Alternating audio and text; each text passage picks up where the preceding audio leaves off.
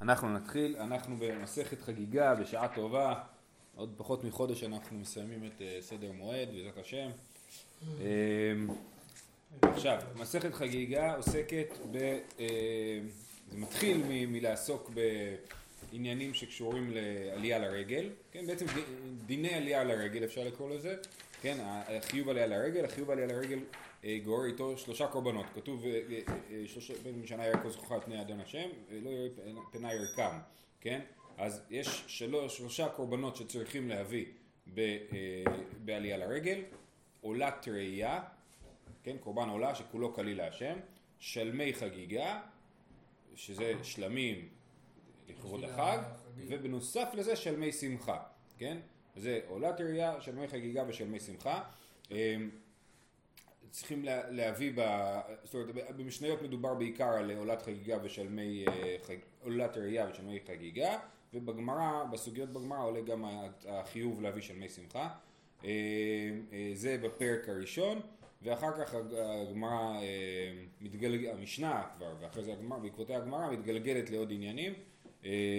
והפרק השלישי עוסק בדיני טומאה וטהרה במובן הזה של ההפרדה מה, מה הפער בהפרדות בין עם הארץ ל, ל, שאינו מקפיד על טומאה וטהרה לבין חבר אז יש פער שברגל בעצם אנחנו מניחים שכולם טהורים.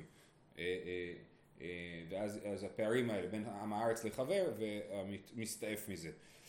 אז בעצם בעיקר הפרק השלישי אבל גם חלק מהפרק השני יעסקו בטומאה וטהרה. זהו. אומרת המשנה הכל חייבים בראייה. מה זה הכל חייבים בראייה? אז אה, חוץ מי, כן, הגמרא, המשנה תכף תגיד אה, מי, מי לא חייב בראייה, אבל אה, מה זה חייבים בראייה? אז רש"י מסביר, הכל חייבים בראייה במצוות ראיית כל זכוריך. במצווה הזאת של לעלות ולראות בבית המקדש אה, אה, שלוש פעמים בשנה, זה הכל חייבים בראייה. והתוספות אומר, מציע פרשנות, ואומר שבוודאי ככה הירושלמי מפרש את המשנה, שהכל חייבים בראייה, הכוונה היא בעולת ראייה. כן, ולא, ב, ולא במצווה של להיראות, ויותר מזה, הירושלמי אומר שגם נשים ועבדים, גם נשים לפחות, כן, חייבים בראייה של להיראות בבית המקדש, וכל מה שכתוב פה, חוץ מי, זה אה, לגבי הקורבן, כן, אז, אז, אז, אז ב, לפי רש"י ולפי, ותוספות מודה שככה גם נכון להבין בהמשך הסוגיות בבבלי, שהכל חייבים בראייה חוץ מ... זה, זה רשימת מי שפטור מלעלות לרגל, לא צריך לעלות לרגל. ובירושלמי זה כולם חייבים לעלות ברגל, מה שכתוב חוץ מזה מי שפטור מקורבן. פחות או יותר. כל זכורך. מה זה? כתוב יראה כל זכורך. נכון, אז הם מבינים שהכוונה היא לקורבן ולא לראייה. אבל אתה צודק, לא, ולא יראה את פניי ריקם, נכון, אבל בירושלמי לומדים את זה ממצוות הקל, שמה מצוות הקל זה אנשים, נשים וטף, אז ככה גם okay. אה, אוקיי. אה, האריה. אז הכל חייב בראייה, חוץ מחירש, שוטה וקטן, וטומטום ואנדרוגינוס, טומטום זה מי שאין לו אה, איברי מין לא זכריים ולא אה, נקביים, ואנדרוגינוס זה מי שיש לו אה, גם, גם וגם.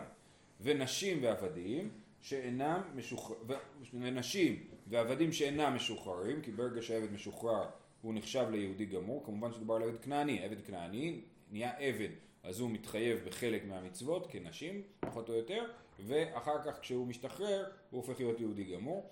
החיגר והסומה, החיגר זה צולע, והסומה, אה, והחולה והזקן, ומי שאינו יכול לעלות ברגליו, כן?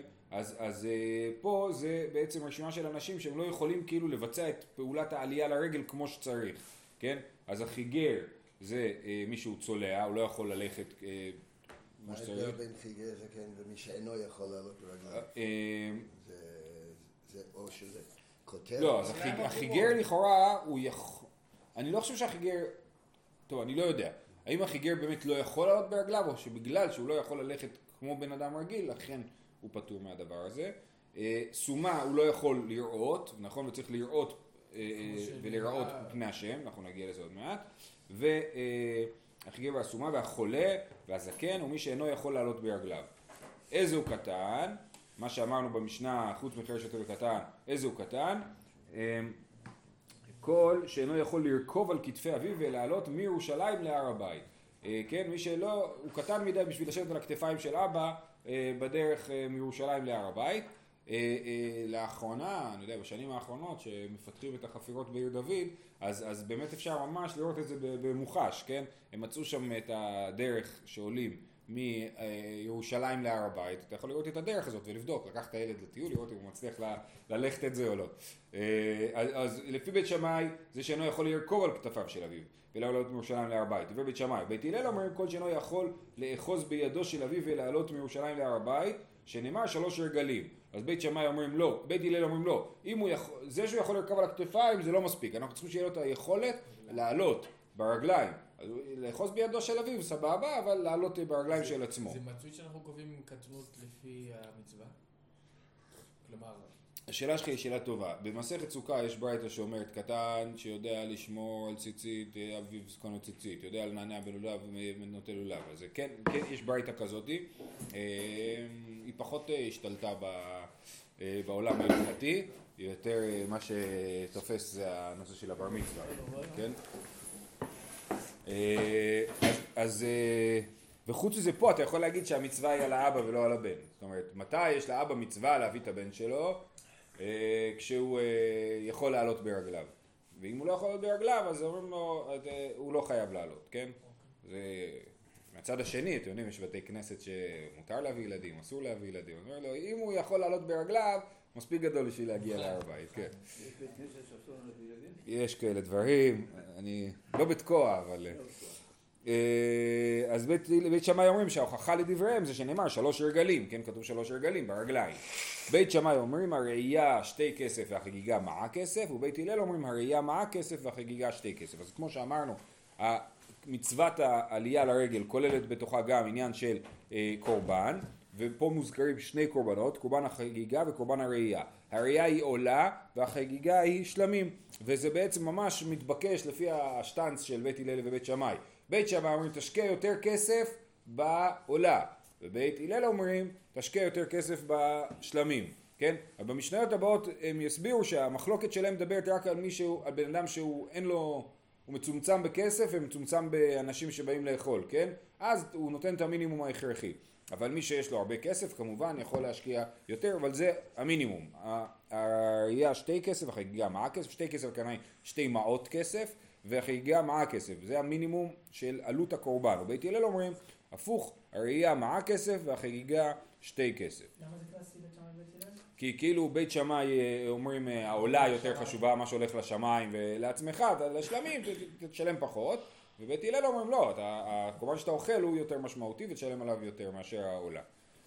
טוב, אומרת המשנה, הגמרא, הכל להטויי מאי, כן, התחלנו בהכל חייבים בראייה חוץ מטה-טה-טה-טם, נכון? אז אומרת, וזו שאלה ששואלים הרבה מקומות אה, בש"ס, בפתיחה, גם במסכת חולין, גם במסכת ערכין, שנפתחים בהכל, אז הגמרא מיד שואלת, הכל להטויי מים, מה זה בא לרבות? תגיד, אה, אה, אה, לא יודע מה, חירש שוטר קטן פטורים מהראייה, כן?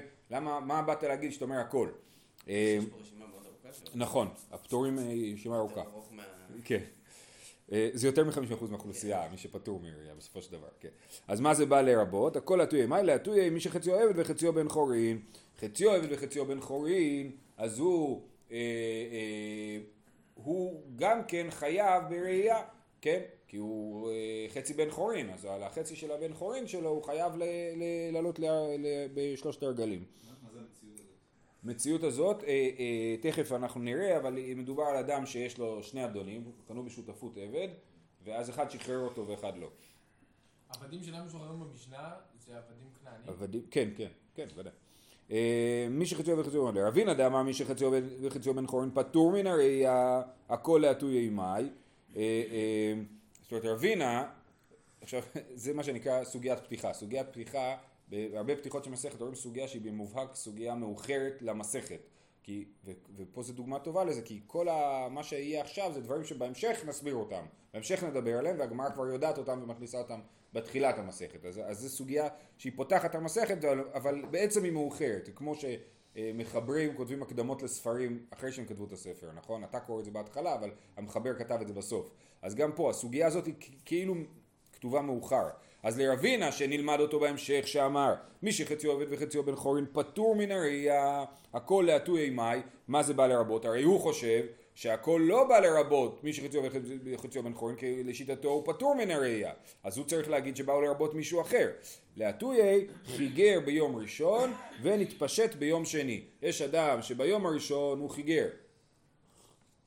ופטור מן הראייה ביום השני או השלישי הוא עברי ועכשיו הוא יכול לעלות להר הבית אז האם הוא חייב או לא הכל בא לרבות אפילו הוא חייב אה, אה, לעלות לרגל אומרת הגמרא, הניחא למאן דאמר כולן תשלומין זה לזה, אלא למאן דאמר כולן תשלומין דראשון, הכל להטויי מאי. זאת אומרת, אה, אה, אפשר להגיד שהחיגר שנתפשט חייב כשהוא נתפשט, אם אנחנו אומרים שכולן תשלומין זה לזה. זאת אומרת, יש לנו שבעה ימים לעלות לרגל, אז השאלה היא האם המצווה לעלות לרגל היא נגיד בחג אה, הראשון של סוכות. וכל השאר אומרים לך, טוב, אם לא הספקת, בוא תשלים את זה. זה בוודאי נכון לגבי הקורבנות. את הקורבנות אנחנו אומרים שאתה משלים אותם אם לא הקרבת אותם. אז האם אנחנו אומרים, התשלומים הם תשלומים ליום הראשון, או תשלומים זה לזה, או שאני אומר, חיוב לעלות לרגל הוא על כל שבעת הימים, תעלה באחד משבעת הימים. ואם אני אומר, אז כולם תשלומים זה לזה, אז אני אומר, נכון, חיגר שנתפשט, ביום השלישי פתאום חל עליו חיוב, או אפשר להביא גם דוגמה לכאורה של חולה שעברי, כן? אז ביום השלישי פתאום הוא יכול לעלות לרגל, אז באותו רגע נופל עליו החיוב לעלות לרגל. אבל אם אני אומר שכולם תשלומים דה ראשון, אז אם ביום הראשון הוא היה פטור, מה זה משנה שאחר כך הוא, הוא יכול לעלות לרגל? הוא ביום שהוא היה פטור, זה היה רק תשלומים של ראשון, נכון? אז למאן דאמר כולם תשלומים זה לזה, אנחנו, אז הגיוני, המשנה באה לרבות, חיגר ונתפשט, הכל אה, בא לרבות, חיגר ונתפשט. אבל למי שאומר שכולם תשלומים דה ראשון, אה, אה, אי אפשר להגיד שחיגר שנתפשט חייב בעלייה לרגל ולכן המשנה לא באה לרבות את זה. הכל להטויי מאי, להטויי סומה באחת מעיניו. ודלא כאיתנא, דתניא, יוחנן בן דהווי אומר משום רבי יהודה, סומה באחת מעיניו, פטור מן הראייה, שנאמר יראה יראה. כדרך שבא לראות, כך בא להיראות. מה לראות בשתי עיניו, אף להיראות בשתי עיניו. זאת אומרת, יש לנו את שיטת יוחנן בן דהווי, שתכף נסביר אותה, שמי שסומה באחת מעיניו פטור. אמרנו במשנה שמי שסומה פטור, נכון? אבל יוחנן בן דהווי אומר, אפילו מי שלא רואה בעין אחת, פטור מעלייה לרגל. אז המשנה שלנו היא נגד אה, יוחנן בן דהווי, והיא באה להגיד שהכל חייבים בראייה, אפילו מישהו סומה באחת מעיניו. אה, מה, איך יוחנן בן דהווי למד? שכתוב, וזה לימוד מאוד מאוד חשוב, אומר, אה, פטור מן הראייה שנאמר יראה יראה, כדרך שבא לראות כך בא להיראות. אפשר גם לגרוס פה הפוך, יראה יראה, כדרך שבא לראות, כך בא לראות. זאת אומרת, כתוב שלוש פעמים בשנה יראה, אנחנו קוראים בתורה, אנחנו קוראים יראה כל זכורת בני אדם השם. זאת אומרת, אנחנו באים לראות. אז כמו שהקדוש ברוך הוא, שאנחנו באים לראות לפניו, הוא רואה אותנו בשלמות, כאילו בשתי עיניו, אין לו שתי עיניים, אבל הוא רואה אותנו בשלמות בלי פגם, אז גם אנחנו שבאים לראות, באים בלי פגם בראייה, כן? אז יראה, אה, אה, אה, אז יראה יראה, כן? כמו כדרך שבה אה, לראות כך בא לראות. בואו נקרא את אה, רש"י פה. אני הייתי אומר שהוא יכול לראות גם בעין אחת, כאילו. כן. בשביל מה צריך שאני צריך שני עיניים? אה, לא, העניין זה השלמות, כאילו, כן? אין קשר לבעל מום? לא, לא, זה לא, אם יש בעל מום, לא יודע מה, מי שחסר לו יד נגיד. נכון, אבל מי שחסר לו יד הוא כן צריך לעלות. כן. כן, דווקא, זה דווקא עניין של העיניים, זה דבר מעניין, כן? אז בואו נקרא את רש"י. אה, יראה יראה, זה בלי ניקוד, זה מאוד קשה אה, אה, להתמודד עם הרש"י הזה, כן? אומר יראה כתיב וקרינן יראה, כן? כתוב יראה, שלוש פנים כל שלושה, יראה כל זכורך פני אדון השם, אבל קוראים את זה יראה. אפשר להגיד שאני בא לראות את הקדוש ברוך הוא, אפשר להגיד שאני בא לראות מהקדוש ברוך הוא, שהוא בא לראות אותי, שאני בא בשביל שהוא יוכל לראות אותי, אני בא לביקורת, כן? הוא בא בשביל אה, זה. אז יראה כל זכוכת פני אדון דמשמע שאדם רואה את השכינה. יראה כל זכוכת פני אדון משמע שהאדון בא לראותך. הקיש הכתוב לראייתך לראייתו, כדרך שבא לראותך, כך הוא בא לראות ממך, כן? כמו ש... אה, אה, כדרך שבא, שנייה, רגע, לראותך, כן? כך הוא בא לראות ממך. מה לראותך בשתי עיניו? אף כאן לראות כמו שהקדוש ברוך הוא בא לראות אותך בשתי עיניו, ככה גם הוא בא לראות ממך, אתה רואה את הקדוש ברוך הוא בשתי עיניך, בסדר? אז זה אה, הדרשה של יוחנן בן להווי. אה, אז יש לנו בעצם שלושה תירוצים לשאלה מה בא לרבות המילה הכל, כן? אמרנו אה, חציו וחציו בן חורין, חיגר ונתפשט וסומה באחת משתי עיניו, אבל אם נגיד סומה באחת משתי עיניו אז נהיה חייבים להגיד שהמשנה שלנו היא נגד אה, רבי אה, יוחנן בן דאביי, ואומרת הגמרא והיא בהתאמה לעולם כדאמר מעיקרא, אפשר להגיד את התירוץ הראשון שמדובר על חצי עובד וחצי בן חורין, ודקה קשיא לאחד דרבינה, אז אם ככה זה לא מסתדר עם רבינה, לא קשיא. כאן כמשנה ראשונה, כאן כמשנה אחרונה. זאת אומרת, הסטטוס של מי שחצי עובד בן חצי בן חורין, זה דבר שיש לנו תיעוד היסטורי שהוא השתנה. דתנן, מי שחציו עובד וחציו בן חורין, עובד את רבו יום אחד ואת עצמו יום אחד. זה הפתרון. אם שחרר אותי אדון, איך אני אהיה חצי עבד וחצי בן חורין? יום יום, כן? אומרת, אומרת המשנה במסכת אה, גיטין, אה, לא, במסכת עדויות, דברי בית הלל, אמרו להם בית שמאי תיקנתם את רבו ואת עצמו לא תיקנתם, לישא שפחה אינו יכול, בת חורין אינו יכול, לבטיל לא, והלא לא נברא העולם אלא לפריאה ורבייה. האדם הזה שהוא חציו עבד וחציו בן חורין לא יכול להתחתן כי לבן חורין אסור להתחתן עם שפחה ולעבד אסור להתחתן עם בת חורין אז עם מי הוא יתחתן? אין אף אחד שלא יכול להתחתן איתו אז תגידו בסדר שלא יתחתן מה קרה? אומרת הגמרא מה פתאום? לבדיל והלא לא נברא העולם אלא לפריאה ורבייה שנאמר לא אותו הוא בראה לשבת יצרה כן? לשבת יצרה זה מונח מפורסם שהעולם נברא על מנת להתפתח כן? ואי אפשר להגיד למישהו אין לנו בעיה עם זה שלא תתחתן כן? אנחנו צריכים שלכל אחד יהיה עם מי להתחתן. אנחנו לא, לא בהכרח אה, נגיד כהן לא יכול להתחתן עם גרושה כן? לא בהכרח תוכל להתחתן עם כל מי שאתה רוצה כן? אבל צריך שיהיה לך אופציה. אה, שבט יצרה זה ליישב את היצר? לשבת יצ... זה יכול להיות המשמעות, אבל פה זה לא ככה, לשבת יצרה, זאת אומרת ליישב את העולם, אותה. יצר את העולם על מנת שהוא יהיה מיושב. מה זה התיישבות? התיישבות, נכון, אנחנו עושים התיישבות, כן. אלא מפני תיקון העולם, כופין את רבו ועושים אותו בן חורין וכותב לו שטר על חצי דמיו. אז מה עושים? אומר בית שמאי, לכאורה האדון, יש שני אדונים, נכון? אחד שחרר אותו, אחד לא. למה הוא שלא שחרר אותו צריך להידפק? אלא מכריחים אותו לשחרר את העבד וכותבים שטר חוב. העבד חייב לאדון כסף על חצי דמיו. כן, אני שווה כך וכך, אני, אתה, יש לך בעלות על חצי ממני, אז אני חייב לך כך וכך, והעבד הזה יצטרך בתור בן חורין לשלם את החוב הזה. ו- ואז הוא יהיה בן חורין גמור, וחזרו בית הלל להורות כדברי בית שמאי, בית הלל קיבלו פה את את דברי בית שמאי. עכשיו, אז אנחנו רואים שבהתחלה היה חציו עבד וחציו בן חורין בתור סטטוס ריאלי, יש דבר כזה, לפי, לפי בית הלל, ואז בית הלל חזרו להורות כדברי בית שמאי ואמרו אין דבר כזה. אז, אם- אז, אז אה, רבינה שאמר שמי שחציו עבד וחציו בן חורין פטור מן הראייה, הוא דקדק את זה מהמשנה. במשנה כתוב עבדים שאינם משוחררים. אמר אבינה, מה זה בא לרבות עבדים שאינם משוחררים? תגיד עבדים, מה זה שאינם משוחררים? כל העבדים אינם משוחררים. אלא עבדים, אפילו שאינם משוחררים עד הסוף, שהם מי שחציו עבד וחציו בן חורין, פטור מן הראייה. ככה רבינה למד במשנה, שמי שחציו עבד וחציו בן חורין, אה, פטור מן הראייה.